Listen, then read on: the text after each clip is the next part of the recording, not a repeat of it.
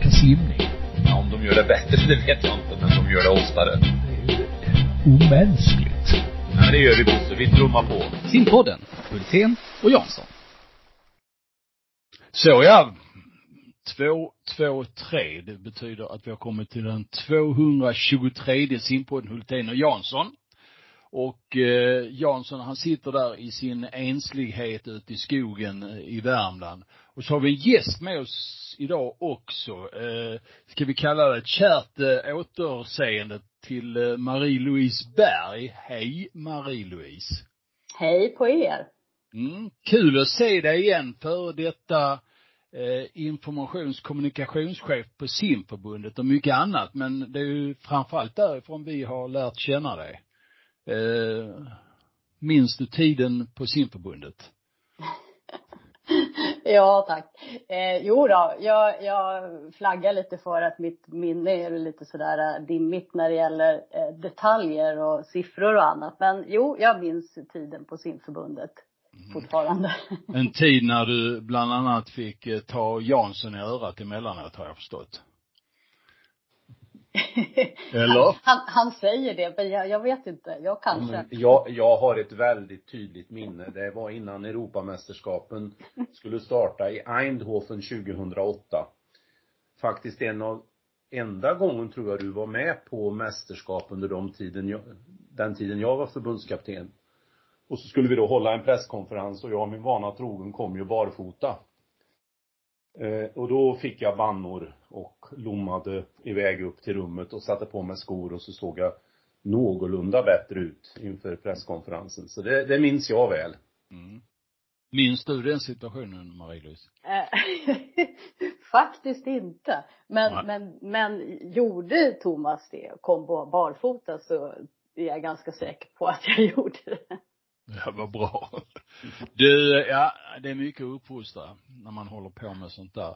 Mm. Eh, ska vi titta lite på vad du har pysslat med? Jag, jag sa ju det att du, eller jag, jag har inte sagt det nu, men jag, jag kan tycka att man kan ut, eh, utbringa i någonting eller kalla dig en dold makthavare i svensk idrott efter att ha jobbat med information och eh, chefredaktörskap eh, på tidningen Svensk Idrott under många år. Eh, har du varit en eh, makthavare i svensk idrott?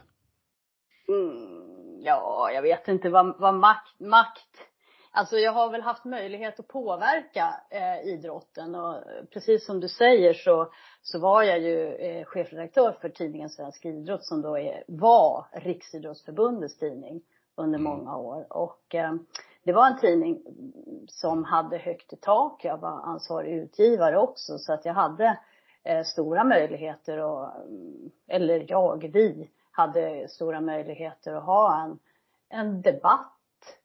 Eh, framförallt inom idrottsrörelsen men också externa personer som hade synpunkter och så. Så att den var viktig. Mm.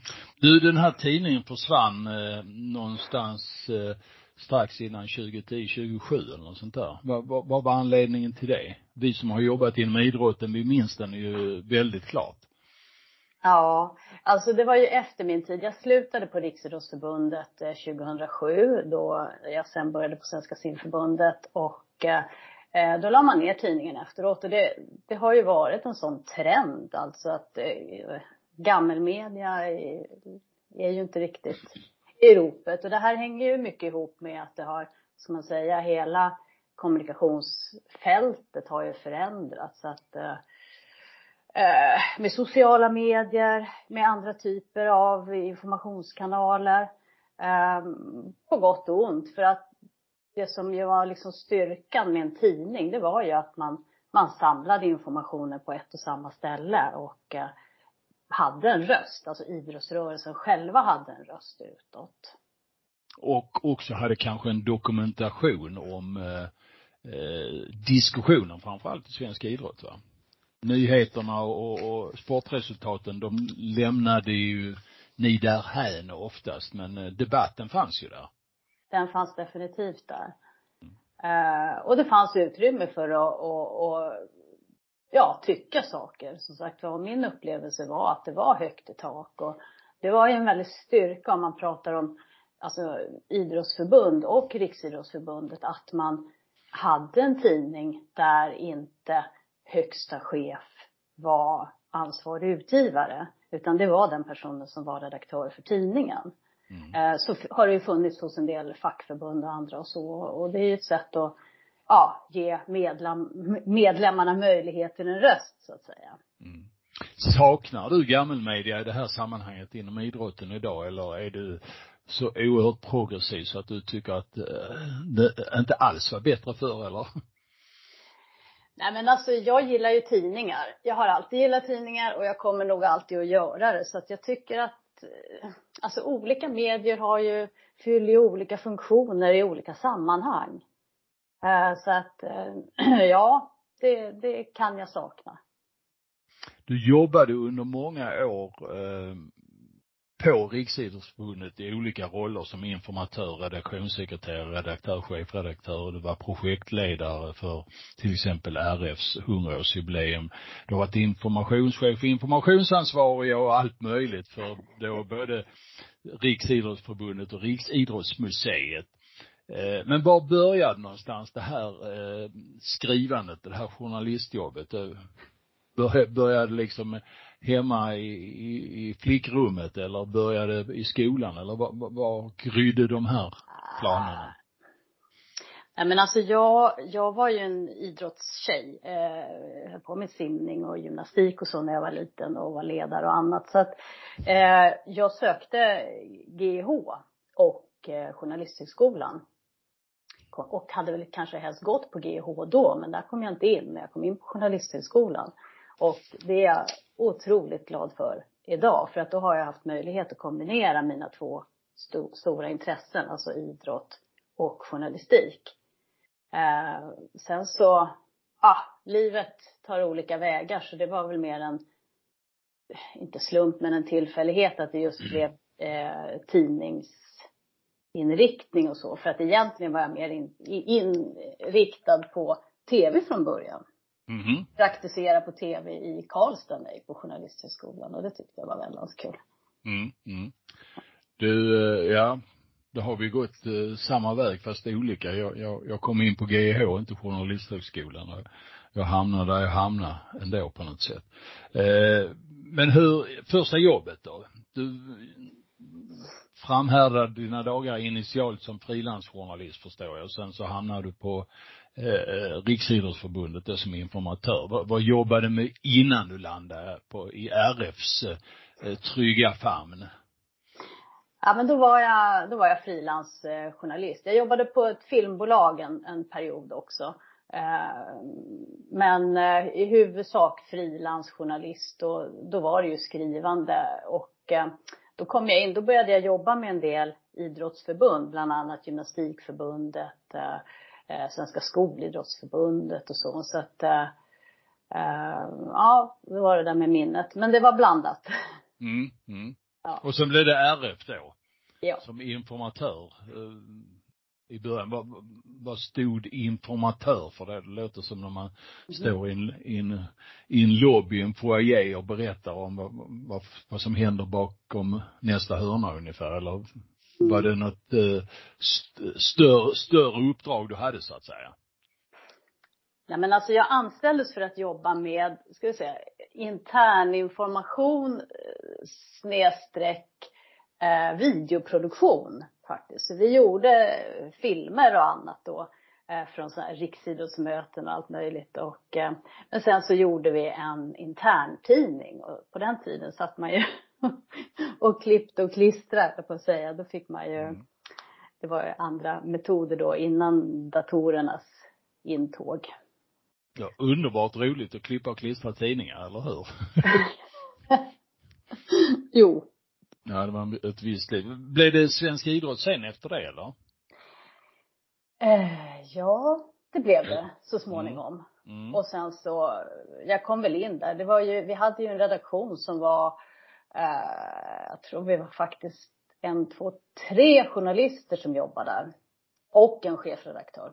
Mm. Alltså, Vem var din företrädare som chefredaktör? För det blev du ju sedermera. Ja, Eh, det var en person som hette Lars Röne, eller heter Lars Röne. Mm. Mm. Mm. Hur eh, landade du som chefredaktör? Var, var det omgivningen som tyckte att mm, henne ska vi ha eller var det din ambition att bli chefredaktör? Ja men det var väl en lång, lång väg dit så att säga. Eh, och eh, jag var ju redaktör först och sen så, ja, så föll det sig så att jag, jag fick det uppdraget. Mm.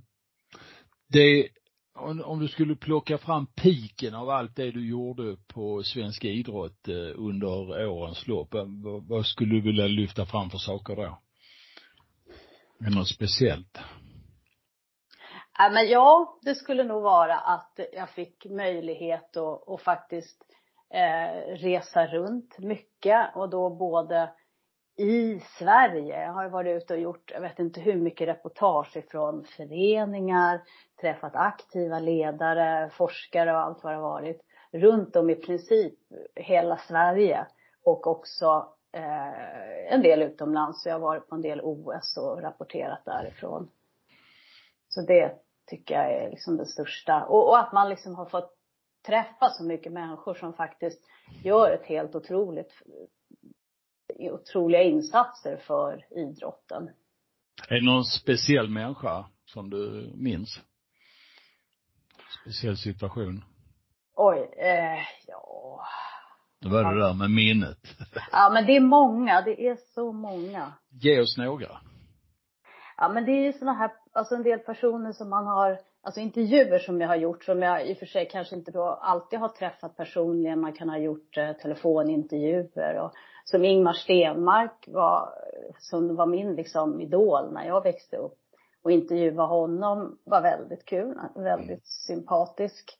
Mm. Eh, Charlotte Kalla, eh, också en väldigt bra person.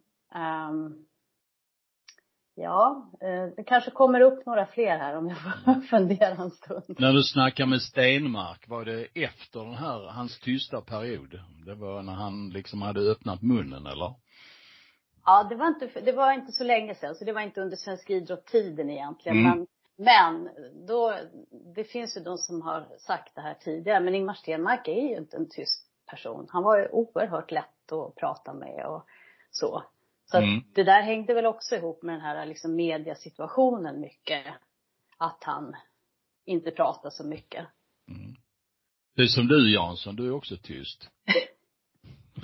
ja, jag, jag har lyssnat intresserat och eh, försökt och eh, komma ihåg lite grann hur det var att jobba på förbunden när Marie-Louise var där. Mm. Eh, för, för sen blev det ju så, för att vi ska göra en övergång då från eh, svensk idrott, så, så hamnade du på simförbundet som eh, informationschef, kommunikationschef eh, 2007 och var där i eh, drygt tre år, Marie-Louise. Ska vi först ta vägen hur, hur du landade i simförbundet? Var, var det var du färdig med RF efter 16 år eller eh, var det simförbundet som ville ha dig eller hur, hur kände du? Nej, men jag hade jobbat på Riksidrottsförbundet faktiskt i nästan 20 år. Oj. Det var 19 år och eh, jag har gjort en sån här omvänd väg att många jobbar ju, har ju korta jobb i början och sen så stannar de längre på slutet. Men jag har gjort tvärtom så att, mm. eh, nej men det var dags att, att göra någonting annat och simning har jag ju alltid haft eh, som en av mina, jag ska säga, favoritidrotter då och eh, då så sökte jag jobb helt enkelt och så fick mm. jag det. Mm. Mm. mm. Och, och då, då, då drabbades du av sådana som Jansson till exempel. Som var förbundskapten då. Och nu är ordet ditt Thomas. mm. ja så var det. Då drabbades hon av mig och eh, bland annat eh, påverkade att eh, jag bloggade lite grann som var ganska långt ifrån jag själv när det gäller att ha förmågan att kunna skriva och uttrycka sig i skrift som jag eh, alltid har tyckt varit väldigt mycket svårare men, men fick ganska god uppmuntran och gjorde det under ett och ett halvt års tid faktiskt. Eh, mer eller mindre lyckat när det gäller innehållet, men väldigt lärorikt. Men jag är lite nyfiken på när du kom då till eh, förbundet, vad det var du liksom upp, upplevde du att eh, Nej, jag, jag ställer frågan så här istället. Eh, kändes det som att vi var ett modernt förbund? Um, ja, ja, ja, ja och nej. Alltså, jag skulle väl säga så här, alltså när jag efter att ha jobbat så länge på Riksidrottsförbundet, eh, där man ju jobbar mycket med, ska man säga, övergripande frågor, alltså policyfrågor, värderingsfrågor, eh, och, och, och så, så var det ju lite så här ögonöppnare att se hur verkligheten ser ut i ett specialförbund. Eh, och där är ju agendan liksom den, den den är på ett sätt. Så att eh, Eh, det var väl inte Ja, det var väl, det var väl en ögonöppnare för mig, så att säga. Men modernt Ja, jag måste, du måste kanske precisera lite mer. Nej, men jag tänker på exempelvis hur vi eh, utbildade våra aktiva och ledare att förhålla sig till media. Som jag, när jag kom in, fick en känsla av att ganska eftersatt område, men jag vet inte vilka upplevelser du hade. Jo, men det, det, kan, det kan jag hålla med om. Eh, och eh, det är ju en jätteviktig del att lära eh, de aktiva att umgås med media. Så där fanns ju en, en hel del att göra. Eh, och det gjorde vi ju också. Mm. Bosse och jag har ju ganska många gånger i, i podden kom in mycket på det här att eh, vi tycker att eh, simningen är en så pass stor och global idrott att vi förtjänar ett kanske större respekt i media, att synas oftare i media. Eh, vi tycker till exempel att SVT behandlar oss lite styvmoderligt. Kanske som slår hårdare i och för sig kanske till en hel, mot en hel del andra idrotter än simningen. Men vad, vad tror du är de stora utmaningarna för en idrott som simning att bli eh, i folkmun på samma sätt som en del andra idrotter är? Ja, alltså vad ska man säga, alltså alla idrotter är ju på något sätt, har, har ju, är ju närmast sig själva på, på något sätt. Och nu har jag ju, jag är ju en sån här allätare när det gäller idrott och jag tycker väl ändå att simningen har hygglig exponering. Sen är det ju alltid så att det styrs av vad, alltså idrottsliga framgångar i väldigt stor utsträckning. Det styrs också av traditioner.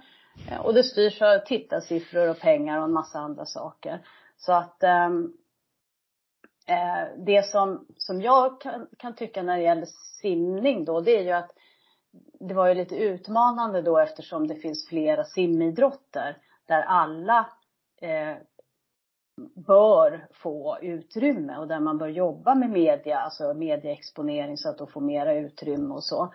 Eh, men där då just simningen kanske är den röststarkaste och där man har flest framgångar. Så att den där balansgången är ju verkligen en utmaning att, att eh, eh, Sen är det så att alltså simning och alla idrotter har ju så många andra värden än just idrottsliga framgångar. Men, och det är ju någonting som, som jag tycker är viktigt att försöka lyfta fram på olika sätt. Eh, de värdena. Men det är ju inte media särskilt intresserad av.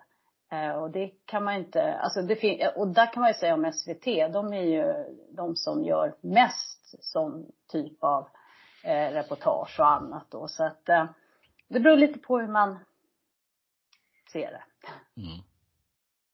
Men du, du, du var väl med och startade upp tidningen Aqua också hos oss va? Det stämmer bra. Det var ju en av de första sakerna som vi gjorde då när jag kom in också. Starta tidningen. Ja, för jag minns jag var så besviken att ni valde namnet Aqua när, när jag ville att det skulle heta Simsport. Som det alltid hade gjort. mm, vad tycker, vad, vad tycker ni i backspegeln om det? Eh, namnvalet och, och, och tidningen. Den gick ju i putten sen, eh, kan man säga va. Och, och eh, det fanns också hela tiden en eh, konkurrens med just det här namnet med eh, en tidning med samma namn som fanns ute i Väsby. Men eh, Jansson först, vad, vad tyckte du om att papperstidningen Aqua försvann? Ja men jag gillar ju papperstidningar och eh, alla pappersprodukter väldigt mycket. Det blir oerhört påtagligt nu när jag håller på och skriver en bok om simning i Filipstad sedan 1900-talets början. När man söker information va, så går det ganska bra att söka och få information fram till drygt 2000-talets början. Sen när man ska gå in och försöka hitta något så har ju idrottsföreningarna mer eller mindre gått över och blivit digitala. Och då är det nästan omöjligt att hitta någonting. Så att um, ur det perspektivet var ju Aqua jättevälkommen efter några år av uppehåll från den gamla simsporten. Mm. Marie-Louise, eh, Aqua försvann efter din tid i simförbundet väl? Ja, oh ja. Eh, sörjer du den så här eller skulle du gärna, kunde du tyckt att eh, simförbundet kunde haft kvar en papperstidning? Ja, du, nu, nu är det ju som sagt några, ett antal år sedan jag slutade där så att de, de hade väl sina skäl till att, att lägga ner den tidningen. Det är dyrt att göra tidningar och, och man måste prioritera i de kanaler man har och, och som jag sa tidigare, det här med sociala medier är ju ett fält som är viktigt att satsa på och jobba med. Men eh, återigen, en, en samlad information tror jag aldrig är fel. Och det behöver kanske inte vara en papperstidning. Det kan vara ett nyhetsbrev eller, eller någonting annat gammaldags. Mm, gammaldags. Ja, men handlar det också inte om hur vi sen arkiverar det materialet? Det, det är ju, för annars blir det ju samma sak. Arkiverar vi inte det skrivna, ja, då blir det ju som ute på, på nätet ändå på något vis. Va? Jag, jag, jag saknar i alla fall den här tanken kring hur viktigt det är att arkivera. Sen är det frågan om då, och det är kanske mer grannlaga, vad man ska arkivera. Alltifrån resultatlistor till ekonomiska rapporter eller vad det nu handlar om. Om vi håller oss kvar vid eh, dåtid då, eh, under de här åren på simförbundet, eh, vad kände du att du bidrog med för simförbundets räkning? Ja, förhoppningsvis att vi stärkte kommunikationen och eh, eh, började jobba mer med, alltså över hela, hela kommunikationsområdet och det som du Thomas nämnde förut, den här podd, eller förlåt, eh, bloggen till exempel. Det var ju ett sätt att, att kommunicera eh, närmare medlemmar och också kunna nå ut eh, mot media. Så att eh, förhoppningsvis så bidrog jag med någonting. Mm.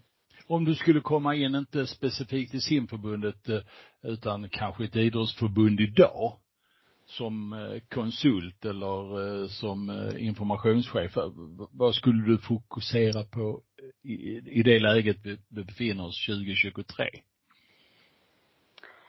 Oj, ja alltså det är ju jättesvårt eftersom det finns så många, alltså det är så olika förutsättningar för alla, eh, vad är det, 71 idrottsförbunden som finns då.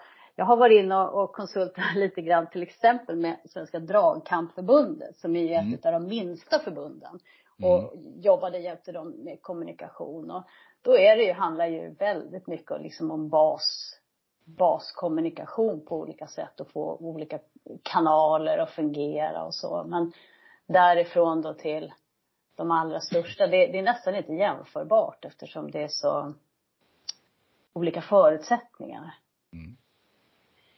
Det är intressant att du nämner dragkampsförbundet, för jag har precis skrivit en liten notis eller artikel om dragkamp.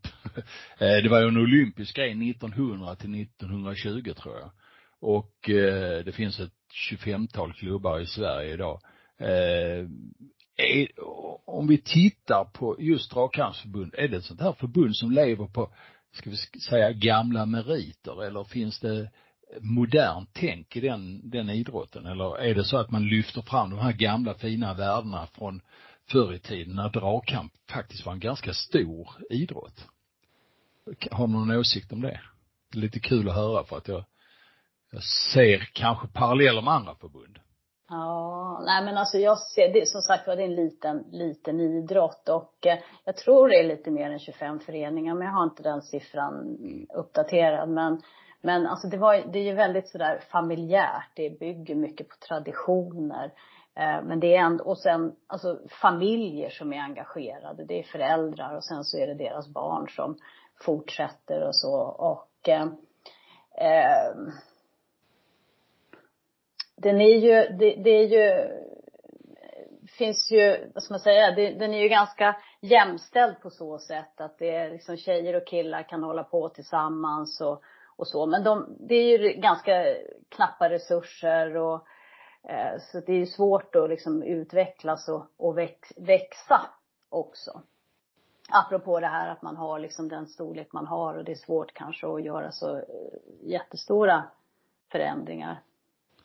Du nämnde här att man, när du går in och, och, och hjälper ett sånt förbund, då tittar du på de här basfunktionerna. Om vi kort skulle gå igenom de här basfunktionerna, vad, vad är det du menar då till exempel? Eh, nej men det är ju alltså informationskanaler. Mm. Eh, och vilka ska man lyfta fram då? Ja, vi pratar ju en, en hel del om alltså där är det ju liksom mycket närhet, att man jobbar nära lokalmedia. Det är ju någonting som man kan ta till sig, tycker jag, i alla idrotter. Att, mm. att man, man, man måste tänka bort det här liksom riksperspektivet. För att lokalmedia är ju oftast intresserade om man ser till att ha bra upparbetade kanaler. Eh, ha kontakter, bjuda in till aktiviteter eh, höra av sig, tipsa och så vidare. Det brukar vara väldigt tacksamt då. Eh, till exempel. Mm. Det är ju det. Men sen också att, att ha lite strategier. Inte sådär att man ska sitta och skriva jättelånga dokument. Men att man ändå har en genomtänkt eh, kommunikationspolicy. Man vet vem som ska svara på frågor till exempel från media eh, och så vidare. Eh, det är väl det i huvudsak, skulle jag säga.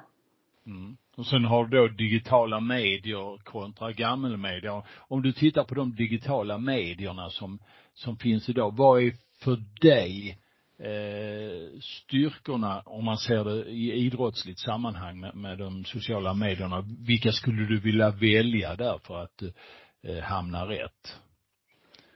Oj, ja det beror ju också på vad, vilka, en massa olika saker. Men eh, en sak som jag tänkte på som vi pratade om kring dragkampen som jag tror man har utvecklat nu, det är ju, det är ju bra att kunna filma själva till exempel. Eftersom det här apropå tv då, eh, de, de sänder det de har lust att sända. Men det, det är ju väldigt bra att kunna lägga ut en film på sin egen hemsida eh, ifrån senaste mästerskapen eller tävlingarna som man har haft. Och för, eh, om inte annat för den egna idrottsfamiljen så att säga. Men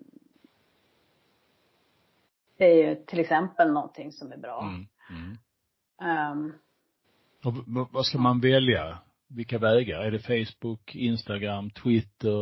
Eh, var skulle du landa om du skulle ge råd till till exempel Dragkampsförbundet idag när de skulle fokusera på eh, den typen av eh, sociala medier? Har något råd? Ja, nej men alltså det som, det är väl Facebook kanske eh, för att just skapa den här liksom gemenskapskänslan som man kan få därigenom. Men sen hade vi väl också en, en Instagram-kanal eh, som ju är lätt att använda när man har, har haft aktiviteter av olika slag. Det är väl de enkla medierna. Jag vet inte, Twitter är väl, eh, det är väl kanske en, vad ska man säga, en mera eh, påverkanskanal, politisk påverkanskanal kanske.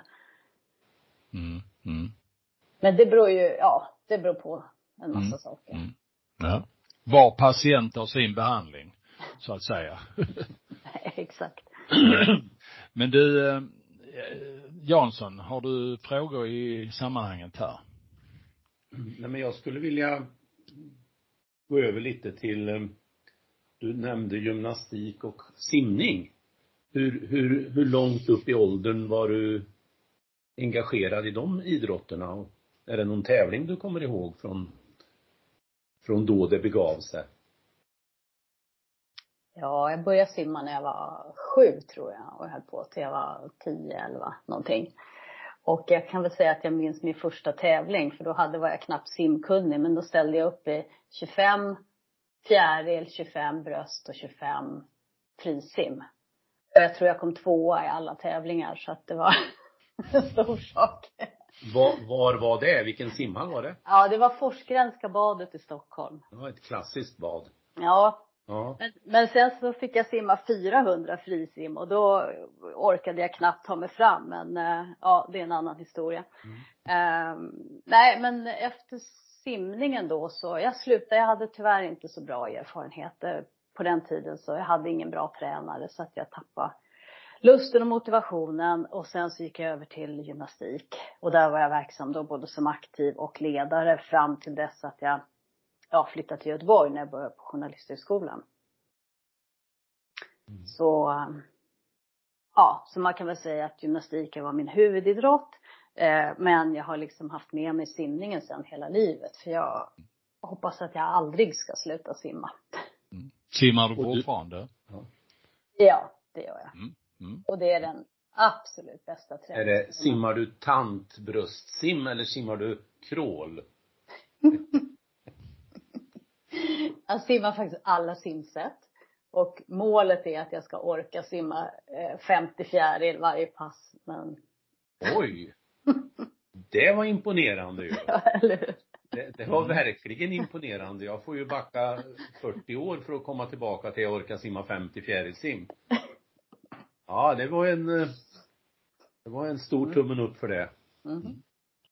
Du, eh, efter allt det här i, i eh, anställningarna inom idrotten så, så landade du i ett friare liv, inte som pensionär utan snarare som, som eh, då libero inom information, blev kommunikationskonsult och eh, du har också jobbat de senaste åren som kanslichef på det som heter Kungliga sällskapet Pro Patria med högt ställda mål och en eh, fin, ett, eh, fina målsättningar om jag förstår rätt till nytta för samhället. Berätta om, om det här sällskapet först så vi vet vad det är för någonting. Mm. Kungliga sällskapet Propatria är en, en förening numera faktiskt. Men det var eh, ett ordenssällskap från början, bildades 1766. Eh, firade 250-årsjubileum för några år sedan. Eh, i dagsläget, vi, vi har jobbat mycket med att utveckla den här organ, eller föreningen då och eh, för att den ska vara, ja, modern. Eh, så att i dagsläget då så ger vi Eh, bidrag, försöker ge stöd till föreningar som jobbar med barn, alltså utsatta, barn som har eh, svårt socialt eller ehm, ja, psykiskt på olika sätt. Eh, så vi ger stöd till föreningar som har bra verksamheter, alltså läger och ja, som kan hjälpa dem på olika konkreta sätt. Sen delar vi ut medaljer, det är liksom det andra benet också till personer som har gjort sig förtjänta av det. Mm. Senast var det till exempel Lasse Åberg som fick våran stora medalj. Om, om vi snackar om det här med pengar och flödet ut till eh, landet så att säga, hur stort är det? Är det snackar vi eh, sexsiffriga, sjusiffriga, åttasiffriga tal eller? Som Propatria ja. Eh, ger? Ja, det är ungefär fyra miljoner om året. Mm. Mm. Så det, man kan säga det är avkastning på vårt kapital som går till det så att. Okay. Då finns det lite i ladorna alltså? Ja. Mm, mm. Och eh, ditt, eh, din, din uppgift där, kanslichef, är det, vad innefattar det? Mm, det är en liten, liten organisation. Eh, vi är bara två stycken anställda och att vara kanslichef det är att vara, göra, göra allt, allt och inget. Ja. Så. Men det här, det här jobbar du inte riktigt heltid med? Nej. Utan jag har konsultverksamhet Eh, på sidan också till viss del. Mm. Där jag har lite, lite uppdrag av olika slag. Och det är framförallt kan man säga inom, alltså ideell sektor. Jag har tidigare gjort en, en tidning för något som heter Föreningen Norden. Ehm, och ehm, ja, lite, lite blandat, varierar. Mm. Håller du på med något kul uppdrag just nu som du kan eh, briefa oss om? I sidan om. Eh, ja, nu har jag faktiskt gått upp lite mer i tjänst på Propatria så att jag eh, gör det till största delen. Så att eh, vi får se lite grann vad det, vad det blir framåt. Mm. Mm. Letar du efter jobb inom till exempel idrotten för att konsulta med eller? Nej, jag letar inte. Men, men det är väl så att jag har mitt hjärta i idrotten så att, mm. Eh, och jag tycker att det är Eh, ja, jag gillar, gillar idrotten. Jag, jag jobbar med någonting som heter Riksidrottens vänner. Mm. Eh, som är en sammanslutning av, ja, vad är det nu, 350 medlemmar eller så som jag hjälper med kommunikation. Och det har jag gjort i ganska många år också. Mm. Och det är idrottsledare som då, ja, är med i den här föreningen och eh, den är, det är en väldigt aktiv förening måste jag säga. Mm. Och det är kul. Mm. Det gör där är jag med, där är jag med bland annat. Mm. Du, jaha, och framtidsmässigt så att säga, vad, vad blickar du någonstans? Eh, ska du ut eh, på, alltså från de här lugna, lugna områdena, stillhetens hav som du befinner dig nu, ut, ut i journalistlivet igen eller eh, hur är det en inflygning nu inför att ta det lite lugnt eller hur, hur känner du? Nej, jag tycker att jag, jag har en ganska bra, bra tillvaro som jag har nu. En blandning av saker. Um, så det som jag, det som jag liksom saknar från idrotten det är ju det här som jag var inne på, den här att man är del utav någonting, alltså ett större sammanhang så som är, tycker jag, väldigt positivt och så. Men det är väl kanske ingenting som jag traktar efter så. Så att uh, vi får se. Mm. Dagen, eh, det dagen ger, det tar Marie-Louise helt enkelt. Lite så. Du eh, Jansson, du brukar ha lite avslutningsfrågor, konstigheter för dig. Har du tänkt dig någonting eh, så här att du ska gri, gri, grilla Marie-Louise med idag? Det är ju jag som står för det seriösa ofta när vi har en gäst, liksom när ah, vi ska ja. göra conclusion på personen så att eh, konstigheter vet jag inte. Eh, jag har eh, under tiden vi pratat här ställt samman eh, oj då, nu avslöjar jag mig. Nej, jag har under flera veckor förberett mig och satt ner väldigt kompetenta frågeställningar. Och då ska man välja ett, ett av alternativen som som jag bollar upp. Och det första, då, då tar vi ett semestertema. Sol och playa och paraplydrink. Eller slalombacken och glühwein. Uh, det får bli sol, sol utan paraplydrink. Utan paraply, okej. Okay. eh, hemma på kammaren, när eh, en bok kommer fram, kan det då vara en dokumentär eller en faktabok eller är det typ eh, deckare och om jag får uttrycka det lite vanvördigt, mer lättlästa saker? Mm, deckare. Eh, vi går över till musikens värld. Och man måste välja ett av alternativen. Hiphop eller gammeldans? Oj. Eh, eh, nej. ja, man kan aldrig styra över en kommunikationschef. Hon får oftast sista ordet. Men jag har en fråga till. Och då går vi in på idrott. Och den har jag skrivit om faktiskt under tiden vi har pratat. Eh, du blir tvingad att genomföra ett sånt här långlopp som finns i landet och då får du inte välja simning och du får inte välja eh, Vasaloppet. Utan du ska välja mellan Lidingöloppet och Vätternrundan. Ja, Vätternrundan.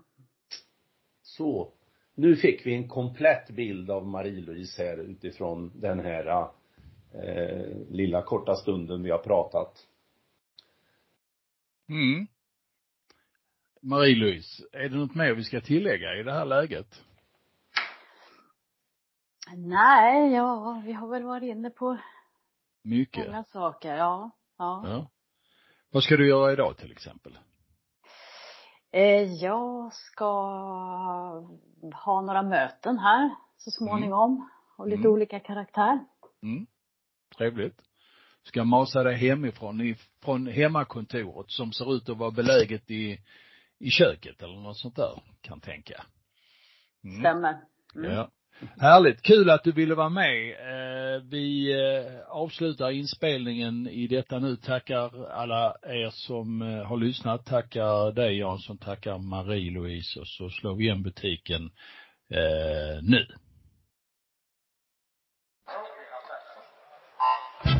Nu ska vi snacka simning. Ja, om de gör det bättre, det vet jag inte, men de gör det oftare. Det är ju omänskligt. Ja, det gör vi Bosse. Vi trummar på. Simpodden, Hultén och Jansson. Då så eh, är vi tillbaka igen efter snack med Marie-Louise Berg, eh, tidigare kommunikations och eh, informationschef på Simförbundet bland annat. Kul att få träffa på Marie-Louise igen, tyckte jag.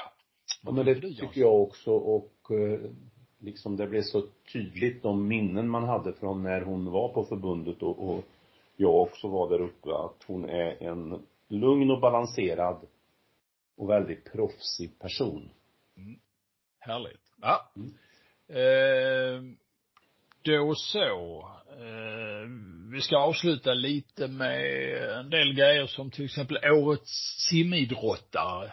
Det har ju utsetts en massa vinnare där. Har du lite åsikt om det Jansson? Nej, egentligen inte. Alltså, för det första tycker jag ju rent generellt att det är en jätteviktig grej. Och eh, i några fall, beroende på vilka kriterier man sätter upp för att erövra priserna, är det kanske ganska lätt för de som är i jurys att välja ut Ehm, till exempel årets simmare på herrsidan, Erik Persson. Ehm, sen tycker jag att formatet, att det bara, och då får du ursäkta Bosse, finns på ehm, liksom simförbundet och simma.nu. Det är klart att det här skulle ha en mycket större plattform, en gala eller eh, något liknande va. Så att det är en, en, en bra grej. Eh, och ju har ju några år på nacken nu, passerat drygt 20 år om jag kommer ihåg rätt. Mm. 21. Ja, till och med. Så Mm. att, eh, bara bra. Kanske möjligtvis att jag som då bara läser utfallet lite tydligare skulle jag efterlysa kanske lite kriterier på en del, alltså vad, vad det är man väljer efter när man utser till exempel årets funktionär eller eh, årets tränare och, och så vidare. Mm. Ja, jag håller med dig. Eh, man skulle ju i ett läge som nu när egentligen kanske det kan vara lite eh, ekonomiskt svårt att, hålla en sån här fysisk gala, eh, som jag i och för sig tycker borde vara kontentan av, av det här i en framtid. Göra en digital gala till att börja med. Mm. För att eh, då producera ett program. Eh, och så ha en studio med folk Mm. och presentera. Det här, det skulle inte kosta eh, jättemycket pengar tror jag i alla fall. Mm. Och göra det och köra en en timmas skala och så, så digitala presentationer och, och koppla upp sig via nätet och snacka med en del människor. Det hade varit ganska enkelt om man hade haft eh, eh, orken för detta. Hade du och jag gjort det på ett uppdrag så hade det blivit halva priset för simförbundet därför att du jobbar med full taxa och jag jobbar alltid gratis. Ja, precis. Så är det. Jaha. Eh, Sara Sjöström och Erik Persson är årets kvinnliga och manliga simmare och eh, på juniorsidan är Lukas Humling från Linköping och Olivia Klint Ipsa Eh, från Kristianstad som eh, tog hem där eh, med eh, lite starkare på damsidan än på herrsidan kanske just på juniorerna. Hon tog EM-medalj och sen så hade vi hoppare och sim, eh, polospelare, konstsimmare och så Anders Haglund blev årets mastersimmare andra året i rad. Den duktiga Neptunsimmaren som har passerat 60-årsåldern. Och så hade vi eh, Antonio Lutula som eh, simidrottstränare eh, för seniorerna och årets funktionär Jonas Åström och eh, årets open water-simmare Kristoffer Gedel från Mölndal. Det, det är de som har med simning att göra. Bara för att det är imponerande resultat Anders Haglund gör. Han kommer väl ifrån Närke från början, undrar om inte han han var ju från Kumla till och med. Ja, var det inte det? Ja. Och hade han inte en syra också? Som simmade? Ja, jag... ja det förtäljer inte ja. minne. Men eh, imponerande eh, håller han i farten trots Verkligen. den ålder han är i. Ja. Eh, sen simmades det vintersim. Det har du tittat in på. För det där är ju, det är ju en bra kombination för dig. Det är is på sjön, man kan åka skidor dit och man kan simma på plats. Eh, det är ju så, det är ju Thomas Jansson i en pryno helt enkelt. Mm. Vad, vad tyckte du om vintersim? Skandinaviska ja, alltså, mästerskapen Jag vår idrott skulle kunna göra väldigt mycket mer utav det här. Eh, vi ska ju säga då att det var Scandinavian någonting som det hette i helgen uppe i Skellefteå. Mm. Där man simmade 25, 50 och 100 meter och det blir ju väldigt spektakulärt va och nu till lördagen är det i Vansbro. Eh, också då ett, ett likartat upplägg, det började de ju med förra året. Men det jag tycker man skulle kunna göra mer av det är ju att jag ofta saknar när man pratar om eh, vad ska vi säga, tuffa idrotter eller det som kräver mycket så saknar jag ofta att simningen kommer upp på tapeten då utan det blir lite slentrianmässigt eh, någon annan idrott och här tycker jag man skulle liksom kunna profilera sig lite grann med att faktiskt eh, ha ett riktigt svenskt mästerskap i eh, eh is, eller vaksimning och, och försöka få med några utav de duktiga simmarna och, och göra något kring det va. Inte som ett jippo utan som en del av sin, den seriösa marknadsföringen av vår idrott. Jag har sagt det förut, jag säger det igen. Jag har åkt många Vasalopp. Jag vänder hellre i Mora och åker tillbaka till Sälen än jag simmar 25 kilometer simning som är på VM-programmet eh, vår idrott är bland de, den tuffaste man kan ge sig in på. Så att, eh, mer vintersim. Mm. Mm. Du, eh, en av... Du, du lät inte så entusiastisk. Nej, alltså jag, jag ser på det. Ja, jag är, jag är sådär. Och jag tänkte mig in i en situation att jag skulle hoppa på huvudet i, i eh, en sån här ba, upphuggen balja jag, jag, jag ser mig själv hoppa på fötterna liksom sådär halvdyka i och landa lite på magen och sen simma med, som du kallar tantbröstsim, mer eller mindre 25 meter. Och, och sen så ta sig upp och så fort som fan in i bastun. Men alltså vi har olika böjelser och olika intressen i livet. Eh, och jag, jag föredrar bastu före isvak kan jag säga. Jag, jag var lite oartig mot Marie-Louise när jag frågade henne om hon simmade crawl eller tantbröstsim. Mm. Hoppas hon Ja, där fick du på näsan. Ja, det fick jag. Härligt. Eh, en av vår Eh, generation, ja då snackar vi när vi var simmar, och det är hundra år sedan, tränare, eh, Sune Sandberg, som var verksam i eh, Timrå, Falun och Örebro. Han gick bort här förleden. Sune Sandberg som var en provocerande tuff eh, tränare som inte alla älskade eh, Eh, men hade väldigt goda resultat. Eh, vad har du för minnen av Sune Sandberg? Nej men det är ju som så att en del av de här profilerna kanske med, med dagens eh, sätt att se på idrott och ledarskap och så vidare i en del fall låg lite på gränsen när det gällde hur man eh, pratade till simmarna och vad man krävde och så vidare.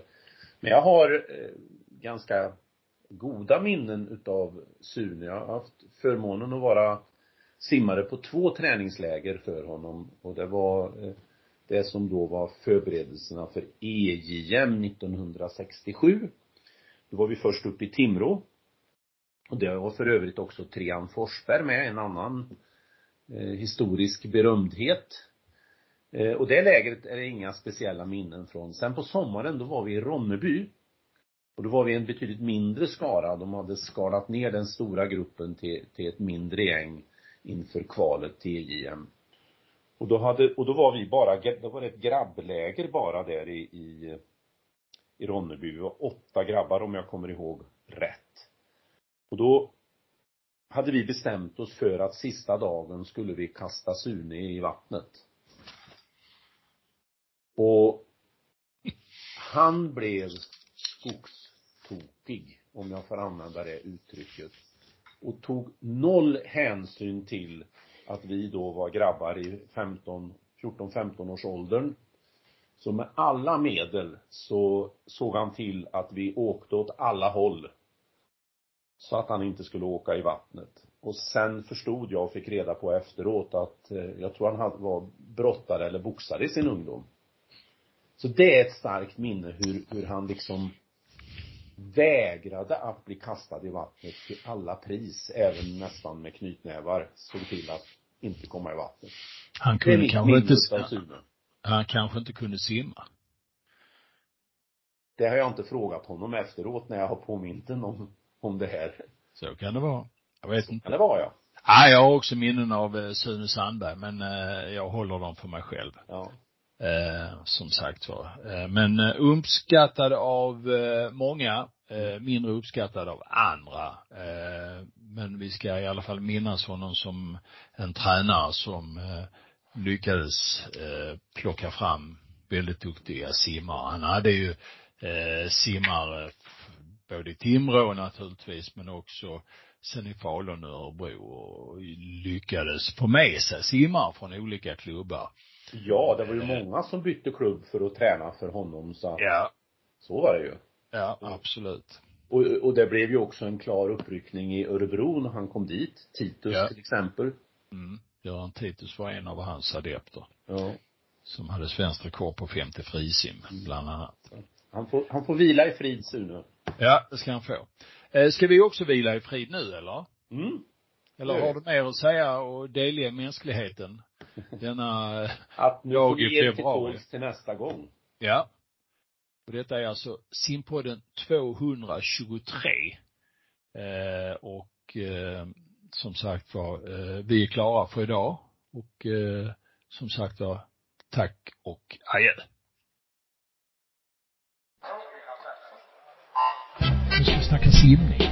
Ja, om de gör det bättre, det vet jag inte, men de gör det oftare. Det är ju omänskligt. Men det gör vi Bosse, vi trummar på. Simpodden, Hultén och Jansson.